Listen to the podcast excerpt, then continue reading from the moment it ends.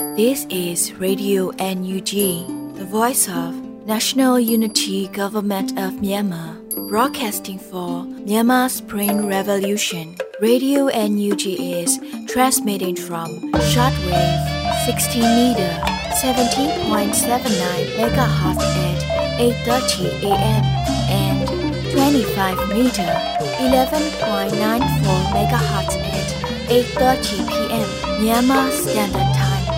မင်္ဂလာပါရှင်အမျိုးသားညီညွတ်ရေးအစိုးရရဲ့အတန်လွတ်ဌာနရေဒီယို NUG ကိုမန္တပိုင်း၈နိုင်ခွဲမှာလိုင်းတူ6မီတာ19တက်သမခွန်ကုန်းမဂါဟတ်စ်နဲ့ညပိုင်း၈နိုင်ခွဲမှာလိုင်းတူ25မီတာ17တက်သမ6လီမဂါဟတ်စ်တို့မှာဓာတ်ရိုက်ဖမ်းယူနားဆင်နိုင်ပါပြီရှင်မင်္ဂလာအပေါင်းနဲ့ကြိတ်ဆုံကြပါစေအခုချိန်ကစပြီးရေဒီယို NUG စီစဉ်လေးကိုဓာတ်ရိုက်အတန်နဲ့ပေးနေပါပြီ မြန်မာနိုင်ငံသူနိုင်ငံသားအပေါင်းတဘာဝပြီးစစ်အာဏာရှင်ဘေးတို့ကနေကင်းဝေးပြီးကိုစိတ်နှဖျားကြမ်းမှလုံခြုံကြပါစေလို့ရေဒီယို NUG ဖွဲ့သားများကဆုတောင်းမေတ္တာပို့သလာရပါတယ်ရှင်။အခုချိန်ကစပြီးကာကွယ်ဝင်ဌာနရဲ့စီရေးတဲ့အကျဉ်းချုပ်ကိုຫນွေဦးအလင်ကမှတင်ဆက်ပေးမှာဖြစ်ပါတယ်ရှင်။ကာကွယ်ဝင်ကြီးဌာန အမျိုးသားညီညွတ်ရေးအစိုးရမှထုတ်ဝေတဲ့2022ခုနှစ်ဧပြီလ22ရက်နေ့ထုတ်နေ့စဉ်စီးရေးသတင်းချင်းချုပ်ကိုတင်ဆက်ပေးတော့မှာဖြစ်ပါတယ်။မြေပြင်သတင်းပေးပို့ချက်တွေအရစစ်ကောင်စီတပ်သား15ဦးကြာဆုံးခဲ့ပြီး10ဦးဒဏ်ရာရရှိခဲ့ကြောင်းသတင်းရရှိပါရခင်ဗျာ။စစ်ကောင်စီနဲ့တိုက်ပွဲဖြစ်ပွားမှုသတင်းတွေကိုတင်ဆက်ပေးကြပါမယ်။ချင်းပြည်နယ်မှာဧပြီလ20ရက်နေ့ကချင်းပြည်နယ်မတူပီမြို့နယ်မင်းတက်မတူပီလမ်းပေါ်ရှိလဲမျိုးချောင်းဆောင်မှာမတူပီခြေဆိုင်ခလာရ304တရင်အောက်မှာ စစ်ကောင်စီတပ်နဲ့ CDF မတူပီတို့တိုက်ပွဲဖြစ်ပွားခဲ့ပြီးစစ်ကောင်စီဘက်မှဗိုလ်ကြီးအဆင့်ပါဝင်တပ်သားရှိဦးသေဆုံးခဲ့က9ဦးဒဏ်ရာရရှိခဲ့ကြောင်းသတင်းရရှိပါရခင်ဗျာစကိုင်းတိုင်းမှာဧပြီလ20ရက်နေ့က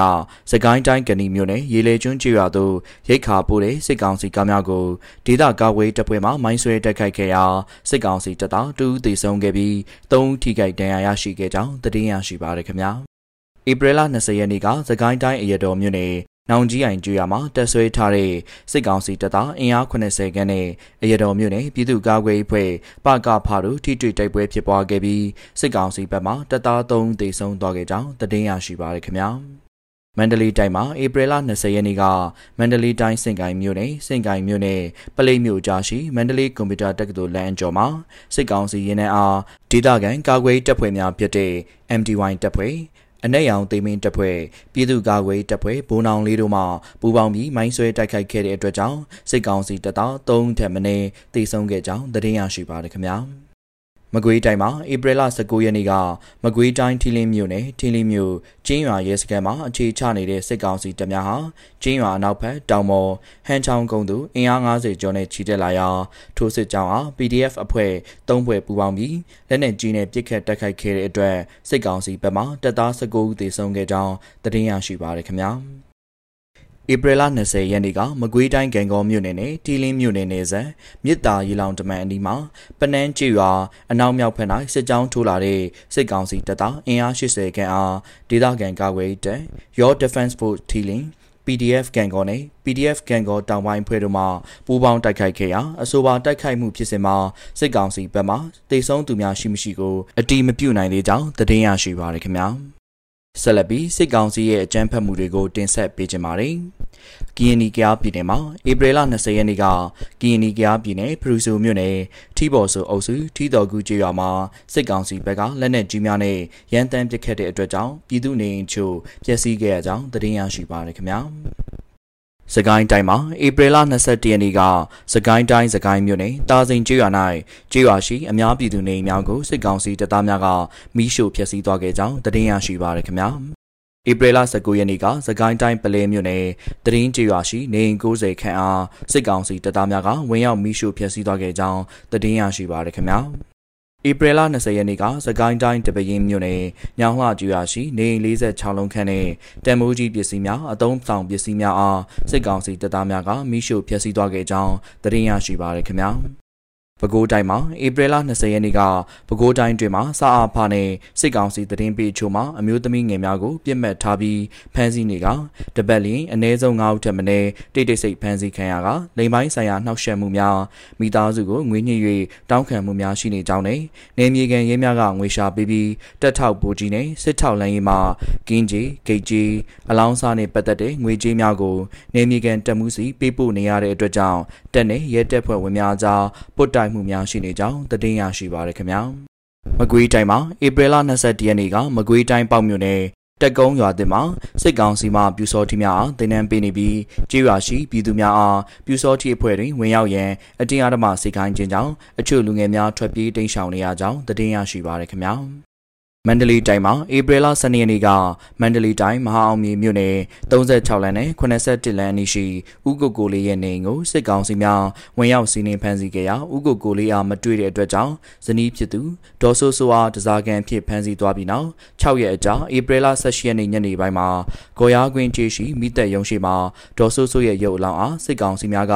လာရောက်ဆုတ်ပြင့်သွားခဲ့ကြောင်းသတင်းရရှိပါရခင်ဗျာ ရှမ်းပြည်နယ်မှာဧပြီလ20ရက်နေ့ကရှမ်းပြည်နယ်မြောက်ပိုင်းတီဘောမြို့နယ်တီဘောမြို့မြို့လေရဲ့အနောက်ရက်နယ်ဘောလုံးကွင်းတိုက်တန်းများမှာမီတာကမဆောင်တဲ့နေအိမ်များကိုစစ်ကောင်စီတပ်သားရဲနယ်လျှက်စင်ဝန်ထမ်းများကမိတိုင်မှတဆင်မိဖြတ်သွားခဲ့ကြောင်းသတင်းရရှိပါရခင်ဗျာ ရန်ကုန်တိုင်းမှာဧပြီလ20ရက်နေ့ကရန်ကုန်တိုင်းတွန်တေးမြို့နယ်တန်ပြူယုံကျွော်မှာအရဲဝင်များနဲ့တနက်များကင်ဆောင်ထားတဲ့စစ်ကောင်စီတပ်ဖွဲ့ဝင်များဟာကိုရဲလွင်ဦးအားလာရောက်ရှာဖွေခဲ့ပြီးမတွေ့တဲ့အတွက်ကြောင့်ကိုရဲလွင်ဦးရဲ့မိသားစုဝင်၃ဦးကိုဖမ်းဆီးခေါ်ဆောင်သွားခဲ့ကြောင်းသတင်းရရှိပါရခင်ဗျာ AR တိုင်းမှာဧပြီလ22ရက်နေ့က AR တိုင်းမူပင်မြို့နယ်မူပင်မြို့ရှိကလေးကစားစရာအယောင်ဆိုင်အားစစ်ကောင်စီတပ်မှဝင်ရောက်ရှာဖွေခဲ့ရာမူပင်မြို့မှာတာဝန်ကျနေတဲ့စစ်ကောင်စီတပ်မှစစ်ဦးစီးပထမတန်းဒုတိယဗိုလ်မှူးကြီးနိုင်လင်းရဲ့ခိုင်းစေချက်ကြောင့်ဝင်ရောက်ရှာဖွေခဲ့ခြင်းဖြစ်ကြောင်းသတင်းရရှိပါရခင်ဗျာယခုတင်ဆက်သွားတဲ့သတင်းတွေကိုမြေပြင်သတင်းတာဝန်ခံများနဲ့သတင်းဌာနတွေမှာဖော်ပြလာတဲ့အချက်လက်တွေပေါ်အခြေခံပြုစုထားခြင်းဖြစ်ပါတယ်ကျွန်တော်ကတော့ຫນွေဦးလင်ပါအ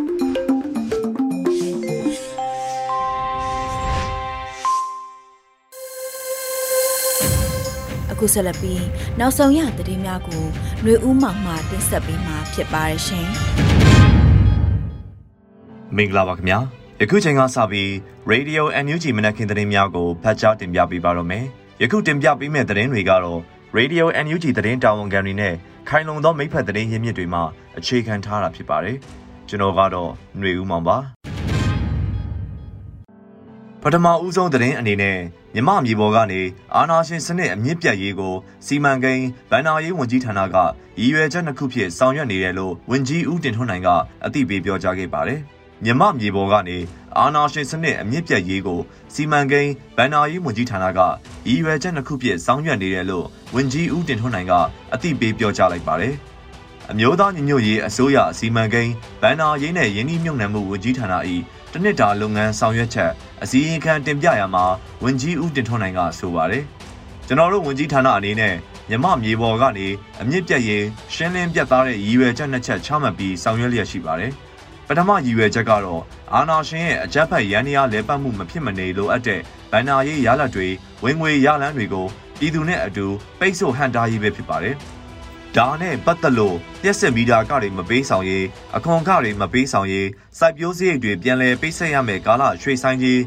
နိုင်ငံဝန်ထမ်းတွေအတွက်ကိုဗစ်ကာလဝန်ထမ်းလကနှစ်လကချင်းငွေတွေကိုပြန်လည်ပေးဆိုင်ရမလို့တဲ့အချက်တွေသတ်မှတ်ပြောင်းလဲပေးခဲ့ပါတယ်လို့ဆိုပါတယ်။ဒါအပြင်ဝန်ကြီးဌာနမှလောင်းကစားဥပဒေကိုပြင်ဆင်ပြဋ္ဌာန်းကຫນွေဦးထီကို CDM များအတွက်ရည်ရွယ်၍ဆောင်ရွက်ပေးနိုင်ခဲ့က CDM ဝန်ထမ်း3,800နဲ့ချိတ်ဆက်ကူညီဆောင်ရွက်နိုင်ခဲ့ပါတယ်။ ပြည်ထောင်စုအခွန်ကောက်ဥပဒေကိုလည်းပြဋ္ဌာန်းနိုင်ခဲ့ကတာဝန်သည့်ပြည်သူများထံမှအခွန်အခများရရှိနိုင်ခဲ့ပြီး NUG ထိန်းချုပ်နယ်မြေများအတွက်ဂျာကာလအခွန်အခဆိုင်ရာမူဝါဒကိုလည်းရေးဆွဲပေးနိုင်ခဲ့ပါတယ်။ဆက်လက်ပြီးအသွင်ကူးပြောင်းရေးကာလဖွဲ့စည်းပုံအခြေခံဥပဒေမူကြမ်းကိုရေးဆွဲသွားမယ့်တဲ့တင်အားတင်ဆက်ပေးပါမယ်။ အသွင်ကူးပြောင်းရေးကာလဖွဲ့စည်းပုံအခြေခံဥပဒေမူကြမ်းကိုရေးဆွဲသွားမယ်လို့ Federal ပြည်ထောင်စုရေးရာဝန်ကြီးဌာနပြည်ထောင်စုဝန်ကြီးဒေါက်တာလျံမုံစာခေါင်းကဆိုခဲ့ပါတယ်။အမျိုးသားညီညွတ်ရေးအစိုးရ Federal ပြည်ထောင်စုရေးရာဝန်ကြီးဌာနပြည်ထောင်စုဝန်ကြီးဒေါက်တာလျံမုံစာခေါင်းကဝန်ကြီးဌာနလှုပ်ဆောင်ချက်များနဲ့ပတ်သက်ပြီးပြည်သူတို့အစည်းအဝေးခံရမှာထည့်သွင်းပြောကြားခဲ့တာဖြစ်ပါတယ်။ ကျွန်တော်တို့ဝန်ကြီးဌာနရဲ့ Federal ရေးရာပေါင်းစပ်ညှိနှိုင်းရေးကော်မတီမှာဆိုရင်လုပ်ငန်းစဉ်အဆင့်၃ဆင့်ခွဲဆောင်ရွက်နေပါတယ်။ပထမအဆင့်မှာအသွင်ကူးပြောင်းရေးအစည်းအဝေးများကိုဖော်ထုတ်ပါတယ်။ဒုတိယအဆင့်မှာအသွင်ကူးပြောင်းရေးကာလဖွဲ့စည်းပုံအခြေခံဥပဒေမူကြမ်းကိုရေးဆွဲသွားပါမယ်။တတိယအဆင့်မှာအမြဲတမ်းကျင့်သုံးမဲ့ Federal ပြည်ထောင်စုအခြေခံဥပဒေကိုကျွန်တော်တို့ပြင်ဆင်သွားမှာဖြစ်ပါတယ်လို့ဝန်ကြီးကဆိုပါတယ်။အမျိုးသားညီညွတ်ရေးအစိုးရဟာ2008ဖွဲ့စည်းပုံအခြေခံဥပဒေကိုဖျက်သိမ်းပြီးပြီဖြစ်ပါတယ်။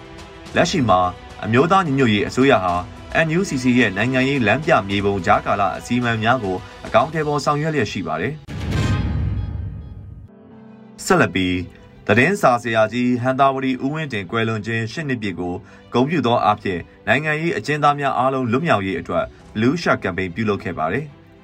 ဧပြီလ22ရက်နေ့မှာကြာရောက်တဲ့နိုင်ငံရေးအကျဉ်းသားဟောင်းသတင်းစာဆရာကြီးဟန်တာဝတီဦးဝင်းတင်ကွယ်လွန်ခြင်းရှစ်နှစ်ပြည့်ကိုဂုဏ်ပြုခြင်းနဲ့နိုင်ငံရေးအကျဉ်းသားများအားလုံးလွတ်မြောက်ရေးအတွက်အပြာရောင်ရှက်အင်ဂျီတွေဝတ်ဆင်ပြီး Blue Shark Campaign ကိုလူမှုကွန်ရက်စာမျက်နှာများတွင်ပြုလုပ်ခဲ့ကြပါတယ်။အမျိုးသားညီညွတ်ရေးအစိုးရဝန်ကြီးများမြန်မာနိုင်ငံဆိုင်ရာနိုင်ငံတကာတန်ယုံများနိုင်ငံရေးအကျဉ်းသားဟောင်းများနိုင်ငံရေးတက်ကြွလှုပ်ရှားသူတွေပါဝင်နိုင်ငံတကာအနှံ့အပြားနဲ့ကမ္ဘာတဝန်းကပြည်သူများကပူးပေါင်းပါဝင်ခဲ့ကြပါတယ်။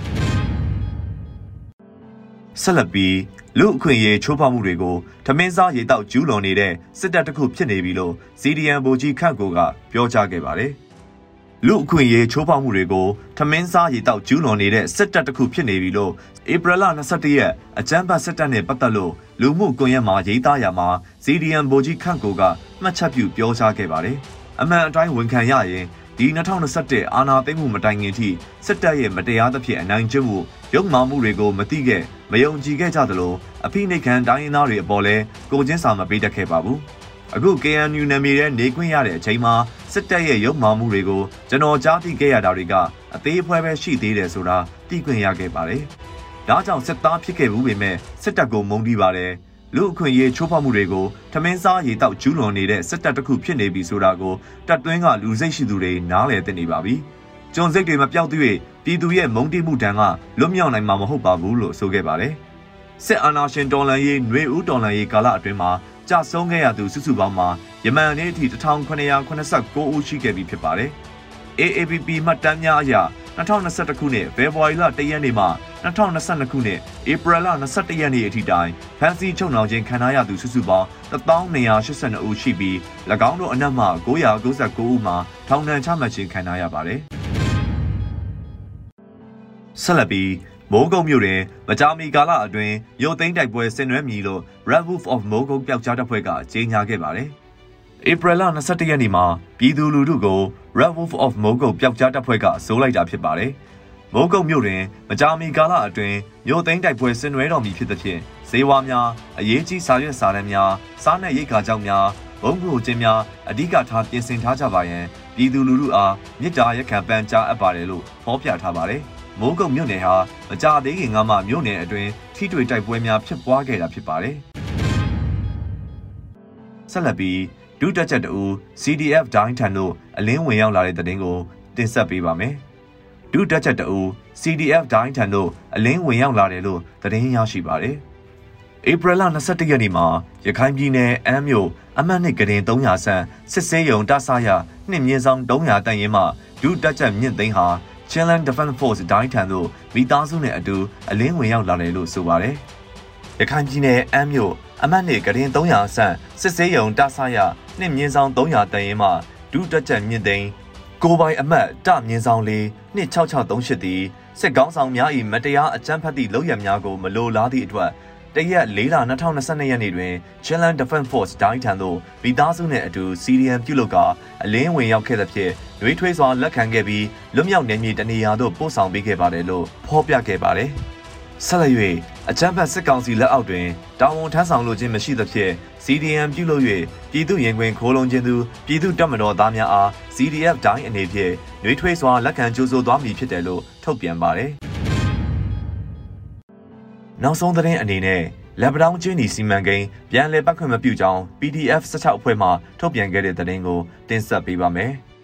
စကိုင်းတိုင်းစလင်းကြီးမြို့နယ်အတွင်းကတရုတ်အစိုးရပိုင်းဝမ်ပေါင်ကုမ္ပဏီနဲ့မြန်မာစစ်တပ်ပိုင်းဥပိုင်ကုမ္ပဏီတို့ပူးပေါင်းလှုပ်ဆောင်နေတဲ့လက်ပတောင်းတောင်ကျင်းဒီစီမံကိန်းကိုပြန်လည်လေပတ်ခွင့်ပြုမှာမဟုတ်ကြောင်းစလင်းကြီးနဲ့ရဲမပင်မြို့နယ်အတွင်းကဒေသတွင်းကာကွယ်ရေး16အဖွဲ့ကဧပြီလ22ရက်နေ့ကထုတ်ပြန်ခဲ့ပါတယ်။လုပ်ငန်းပြန်လည်ပတ်ရင်ဒေသခံအဖွဲ့တွေပေါင်းပြီးစီမံကိန်းကိုတိုက်ခိုက်သွားမယ်လို့စလင်းကြီး GZ Local PDF အဖွဲ့တာဝန်ခံကပြောခဲ့ပါတယ်။စစ်တပ်ကအာဏာသိမ်းပြီးခဲ့တဲ့နောက် နှစ်လလောက်ကြာမှကလေးကဂျင်းနီစီမံကိန်းရပ်နားထားခဲ့ပြီးအခုအလုပ်ပြန်လုပ်မယ်ဆိုပြီးဒေသမှာအလုပ်သမားတွေပြန်ခေါ်နေတာစစ်အာဏာရှင်စန့်ကျင်ရေးဆိုတာတနိုင်ငံလုံးနဲ့ဆိုင်တယ်အဲ့ဒီတော့ဒီလိုကာလမှာလုပ်ငန်းလည်ပတ်တာကိုလက်မခံနိုင်ဘူးဒီလိုထုတ်ပြန်ချက်ထုတ်ဖို့အဖွဲ့တွေအစည်းအဝေး၃ချိန်ခေါ်ပြီးအားလုံးသဘောတူညီချက်နဲ့ထုတ်ပြန်လိုက်တာပါလို့တားမြစ်ထားတဲ့ကြားကလုပ်ငန်းဝင်ဝင်ကြလို့ဝန်ထမ်းတွေထိခိုက်လာရင်တာဝန်မယူဘူးလို့ဆိုခဲ့ပါတယ် လက်ရှိဥပိုင်ကုမ္ပဏီတွေမှာလုပ်ကိုင်နေတဲ့သူတွေအနေနဲ့လည်းလာမယ့်မေလ9ရက်နေ့နောက်ဆုံးထားပြီး CDN လှုပ်ဆောင်ပေးဖို့ထုတ်ပြန်ချက်မှာဖော်ပြထားပါတယ်။ဒါအပြင်ဒီစီမံကိန်းဟာတိုင်းပြည်အကျိုးဒေသခံပြည်သူအကျိုးရှိကြောင်းရှင်းရှင်းလင်းလင်းမချပြမချင်းဆက်လက်ဆက်ကျင်သွားမယ်လို့လည်းဆိုပါတယ်။ဂျိန်းနီစီမံကိန်းဟာအနီးနားကကျေးရွာ26ရွာကမြေရွာတွေကိုတင်ဆက်ပြီး260စီမံကိန်းနဲ့အကောင့်ထဲပေါ်ဆောင်ရွက်နေတဲ့စီမံကိန်းတစ်ခုလည်းဖြစ်ပါတယ်။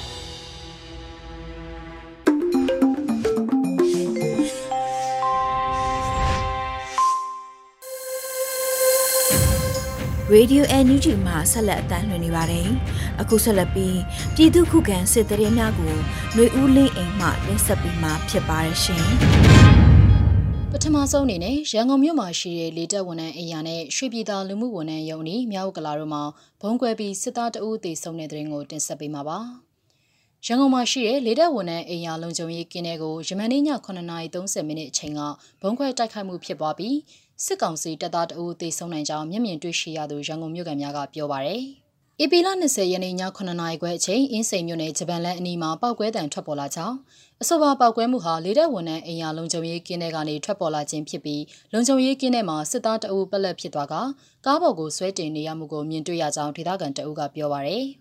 ထို့ပြင်ရန်ကုန်တိုင်းရွှေပြည်သာမြို့နယ်ဓာတ်ဆက်ခွန်ရပ်ကွက်လော်ကားလမ်းမကြီးပေါ်မှာရှိတဲ့လူကပြန်ရုံးမှာတက်ဆွဲထားတဲ့နေရာမှာလည်းဧပြီလ20ရက်နေ့ည8:22မိနစ်အချိန်ကဘုံပေါက်ကွဲမှုဖြစ်ပွားကနောက်ဆက်တွဲအခြေအနေများမသိရသေးကြောင်းဒေသခံများထံမှသိရပါဗျ။အလားတူမြောက်ကလာစီပင်ရုံအနီးမှာလည်းယနေ့ညနေပိုင်းကပောက်ကွဲမှုတရက်ဖြစ်ပွားခဲ့ကြောင်းဒေသခံများထံမှသိရှိရပါဗျ။မြင်းချံအမတ်တေရဲစခန်းဘုံပစ်ခံရပြီးနောက်စစ်သား2ဦးသေဆုံးတဲ့တဲ့ရင်ကိုဆက်လက်တင်ဆက်ပေးပါမယ်။ မန္တလေးတိုင်းမြင်းချံမြို့နယ်မှာ AP လ20ရက်နေ့ကအမတ်1ရဲစခန်းကို PDF စုပေါင်းတပ်တွေကလက်ပစ်ဗုံးနဲ့ပစ်ခတ်တိုက်ခိုက်ရာစစ်သား2ဦးသေဆုံးကြောင်းတိုက်ခိုက်မှုကို MG6 ပျောက်ကြားတပ်မြင်းချံနှလုံးလာလူမိုက်ကြီးများအဖွဲ့မြင်းချံနဲ့ပြည်သူ့ကာကွယ်ရေးတပ်မတော်မြင်းချံခရိုင်အမှတ်9ကပူးပေါင်းတိုက်ခိုက်ခြင်းဖြစ်ကြောင်းဒေသကာကွယ်ရေးတပ်တွေကသတင်းထုတ်ပြန်ပါတယ်။ဆက်လက်ပြီးမတူပီတိုက်ပွဲမှာစစ်ကောင်စီဗိုလ်ကြီးတအုပ်အပါအဝင်စစ်သား၈ဦးသေဆုံးတဲ့တဲ့တင်ကိုတင်ဆက်ပေးပါမယ်။ ချင်းပြည်နယ်မင်းတပ်မတူပီလမ်းမမှာမတူပီအခြေဆိုင်ခမရ304တရင်လက်အောက်ခံစစ်ကောင်စီတပ်နဲ့မတူပီ CDF တို့ AP လ20ရက်နေ့မှာတိုက်ပွဲဖြစ်ပွားခဲ့ပြီးစစ်ကောင်စီဘက်မှဗိုလ်ကြီးအဆင့်ရှိသူအပါအဝင်10ဦးသေဆုံးက9ဦးထပ်မံဒဏ်ရာရရှိခဲ့ကြောင်း CDF မတူပီကသတင်းထုတ်ပြန်ထားပါတယ်။ဝန်တိုတိုက်ပွဲတွေမှာတပတ်အတွင်းစစ်သား26ဦးသေဆုံးတဲ့တဲ့ရင်ကိုဆက်လက်တင်ဆက်ပေးပါမယ်။ စကိုင်းတိုင်းဝန်းတုံမြို့နယ်ဂျိုးတောင်ကျေးရွာအနီးဖြစ်ပွားနေတဲ့ PDF မဟာမိတ်တပ်ပေါင်းစုနဲ့စစ်ကောင်စီတပ်တွေရဲ့တိုက်ပွဲတွေဟာတပတ်ခန့်ကြာမြင့်လာပြီဖြစ်ပြီးစစ်ကောင်စီတပ်ဗမာ26ဦးသေဆုံးကြောင်းကောလင်းခရိုင် PDF တပ်ရင်းတစ်ခေါင်းဆောင်ကဆိုပါတယ်။လက်ရှိအချိန်မှာကောလင်းဝန်းတုံပင်လယ်ဘူးမှာစစ်ကောင်စီတပ်တွေနဲ့ KIA PDF ABSDF တို့တပ်ပေါင်းစုအကြားတိုက်ပွဲတွေဆက်လက်ပြင်းထန်နေပါတယ်။ နောက်ဆုံးအနေနဲ့ရွှေဘုံမြို့မှာရှိတဲ့စစ်တပ်ဘက်တော်သားလက်နက်ကင်ပြူစောတိအခြေချစခန်းတွေကိုရုံးနဲ့ဘုံကျဲတိုက်ခိုက်မှုမှာတအူးသေဆုံးတဲ့တဲ့ရင်ကိုတင်ဆက်ပေးပါမယ်။ဧပြီလ19ရက်နေ့ကစကိုင်းတိုင်းရွှေဘုံမြို့နယ်ပယံရွာပြူစခန်းနဲ့ခွန်အောင်ကြီးရွာပြူစခန်းကိုမဟာမိတ်တွေနဲ့ပူးပေါင်းပြီး Royal Tiger Guerrilla Force အဖွဲ့ကအီနာဂါဘုံတလုံးလက်လုံဘုံတလုံးချပေးခဲ့ကြောင်းပယံရွာမှာပြူစောတိတအူးသေဆုံးတယ်လို့သိရှိရကြောင်းခွန်အောင်ကြီးရွာမှာအထီးကိုင်းမသိရသေးကြောင်းသက်ဆိုင်ရာဒေသကာကွယ်ရေးတပ်ဖွဲ့တွေရဲ့သတင်းထုတ်ပြန်ချက်အရသိရှိရပါတယ်ရှင်။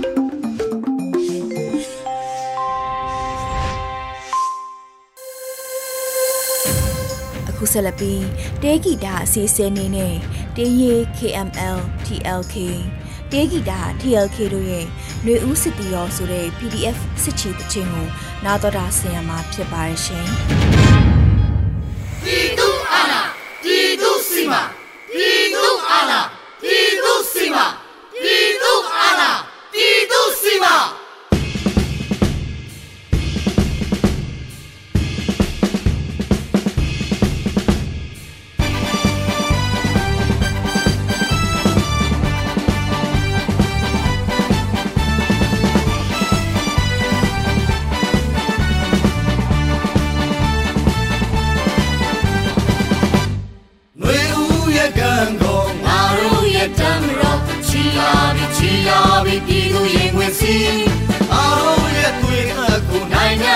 ပေးစမ်းမြေအန်ရယ်ရန်ဆွေတွေငါတို့ရှင်းလင်းပြီ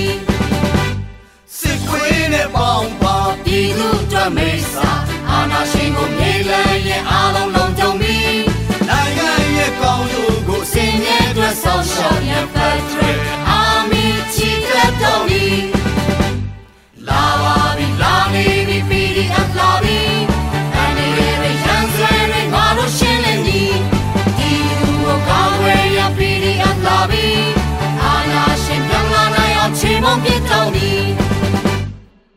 ရှင်ကိုတိုက်ထုတ်ရေးတို့ရေးတို့ရေးအာနာရှင်ကိုချေမုန်းရေးတို့ရေးတို့ရေး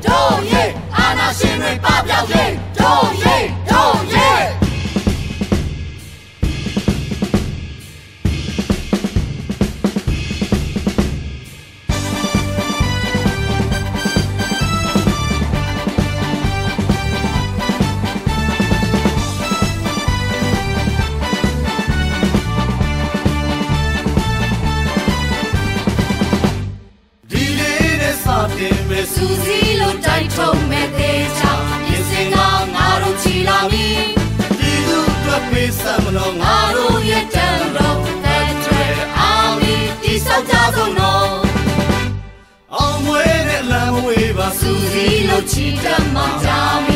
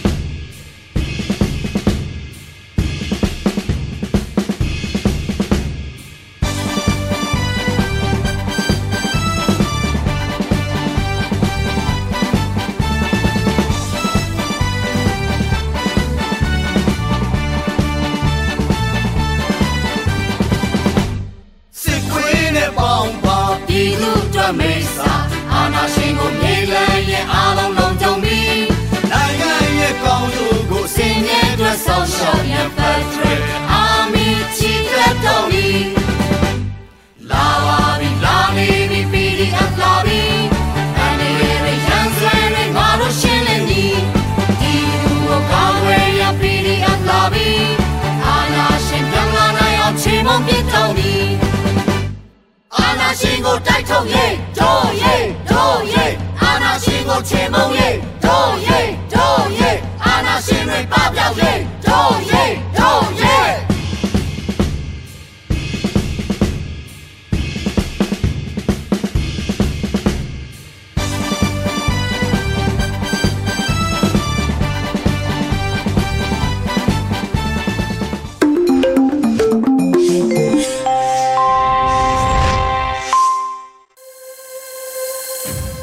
ရေဒီယို NUG မှာဆက်လက်အသံလွှင့်နေပါတယ်။အခုဆက်လက်ပြီးတိုင်းရင်းသားဘာသာစကားစီစဉ်နေနဲ့ဂျိုချင်းဘာသာစကားခွဲတစ်ခုဖြစ်တဲ့ကန်ဘာသာစကားဖြင့်တည်င်းထုတ်လွှင့်မှုကိုတင်ဆက်ပေးမှာဖြစ်ပါရှင်။ဒီအစီအစဉ်ကို Radio NUG နဲ့ဂျိုချင်းဘာသာစကားထုတ်လွှင့်မှုအစီအစဉ်အဖွဲ့တို့မှပူးပေါင်းထုတ်လွှင့်တာဖြစ်ပါရှင်။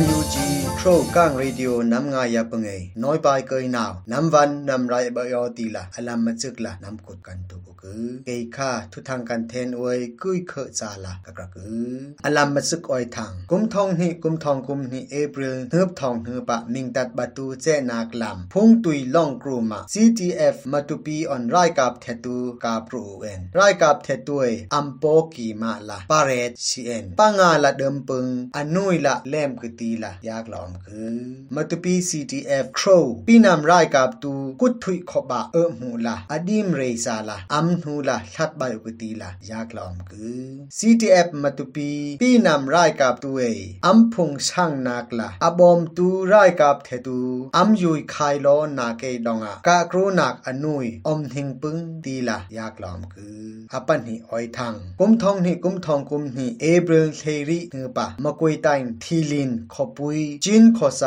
เยสคันค่ะบีเบิ Defend นโฟสทีลินปีนำรายกับตัวเองลูชิอุเอ็นคนเนกลงอปุมขุยอัมกานาเกดองอาเยสคันติ้งทอดอุกตีละยากลอมกืออาคาจอยอัมกาครูนากะสคันหูอปุมชีเอ็นอันหุชุยปันหีอันนุยละเลมนีเอ็นรัมชุมงโยอุปงเอพีทีเอฟปีนำรายกับตูพร้องไรนาก่อนอัมหูละทัดใบอุกตีละยากลอมกืออปทุมออยทางอโจยารุเม mei min tat khokhuya avu khra e. She hai tu. Kum thong ni, kum thong kum ni, april thup thong thu pa, tun en. Kam ru tep he kuti la, min tat pi nam suki tuen to ku ku. Rai kap the sai la om en. Ctm e bi pung tu e. Am tek ta hatula e nam e he he nam thơ me she hai tu e nam thup va pe. Kha cho e she hai avan pi nam kho khram la, kam khup kuti la. Min dat สุกิตูอาวายจตัวนเตกอกื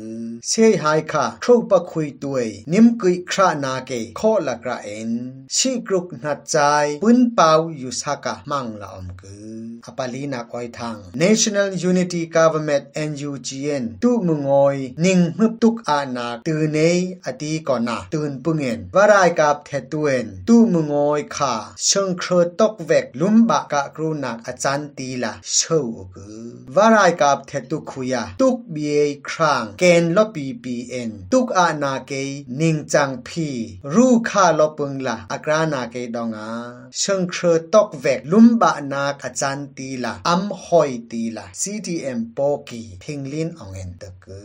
e shou phagom kho chu en akang lo la akra krang om pi nam rai kap tuen am hit he ye am kri na ke donga sheng khro tok vek lum ba nak achan ti la ming am pek ti la poki thinglin ongen ta ku National Unity Government NUGA rai kap ta jin pran hi on ngaki pako ta jin om khön en pi nam rai ka PTF မြို့နယ်ဖရန်ဟီအွန်ငါကိပအဖွိုင်လာကမ်ဖွိုင်အင် LTFTA ပျောက်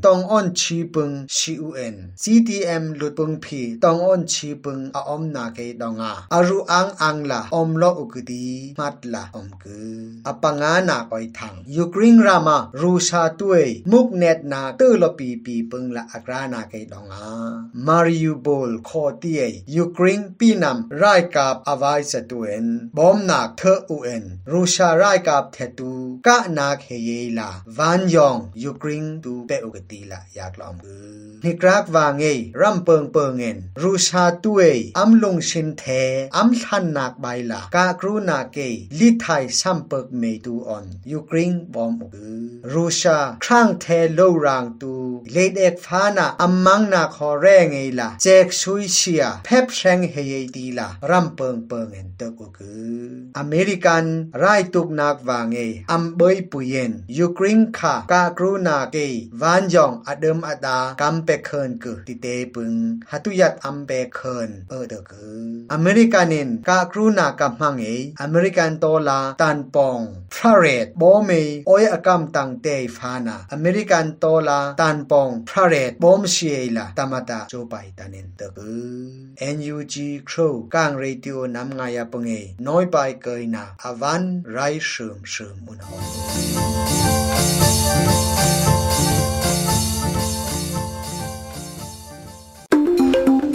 ဒီကနေ့ကတော့ဒီညနေပဲ Radio NUG ရဲ့အစီအစဉ်လေးကိုခေတ္တရ延လိုက်ပါမယ်ရှင်မြန်မာစံတော်ချိန်မနေ့၈နိုင်ခွဲနဲ့ည၈နိုင်ခွဲအချိန်တွေမှာပြောင်းလဲဆိုပြကြပါလို့ရှင်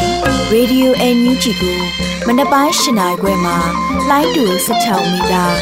19.7မကူမဂါဟတ်နဲ့ညပိုင်း၈နိုင်ခွဲမှာလိုင်းတူ25မီတာ17.6မဂါဟတ်တို့မှာ ဓာတ်ရိုက်ဖမ်းယူနားဆင်နိုင်ပါပြီရှင်မြန်မာနိုင်ငံသူနိုင်ငံသားများကိုစိတ်နှဖျားစမ်းမချမ်းသာလို့ဘေးကင်းလုံခြုံကြပါစေလို့ Radio NUG ရဲ့ဖွဲ့သူဖွဲ့သားများကဆုတောင်းလိုက်ရပါတယ်။ San Francisco Bay Area အခြေစိုက်မြန်မာမိသားစုများ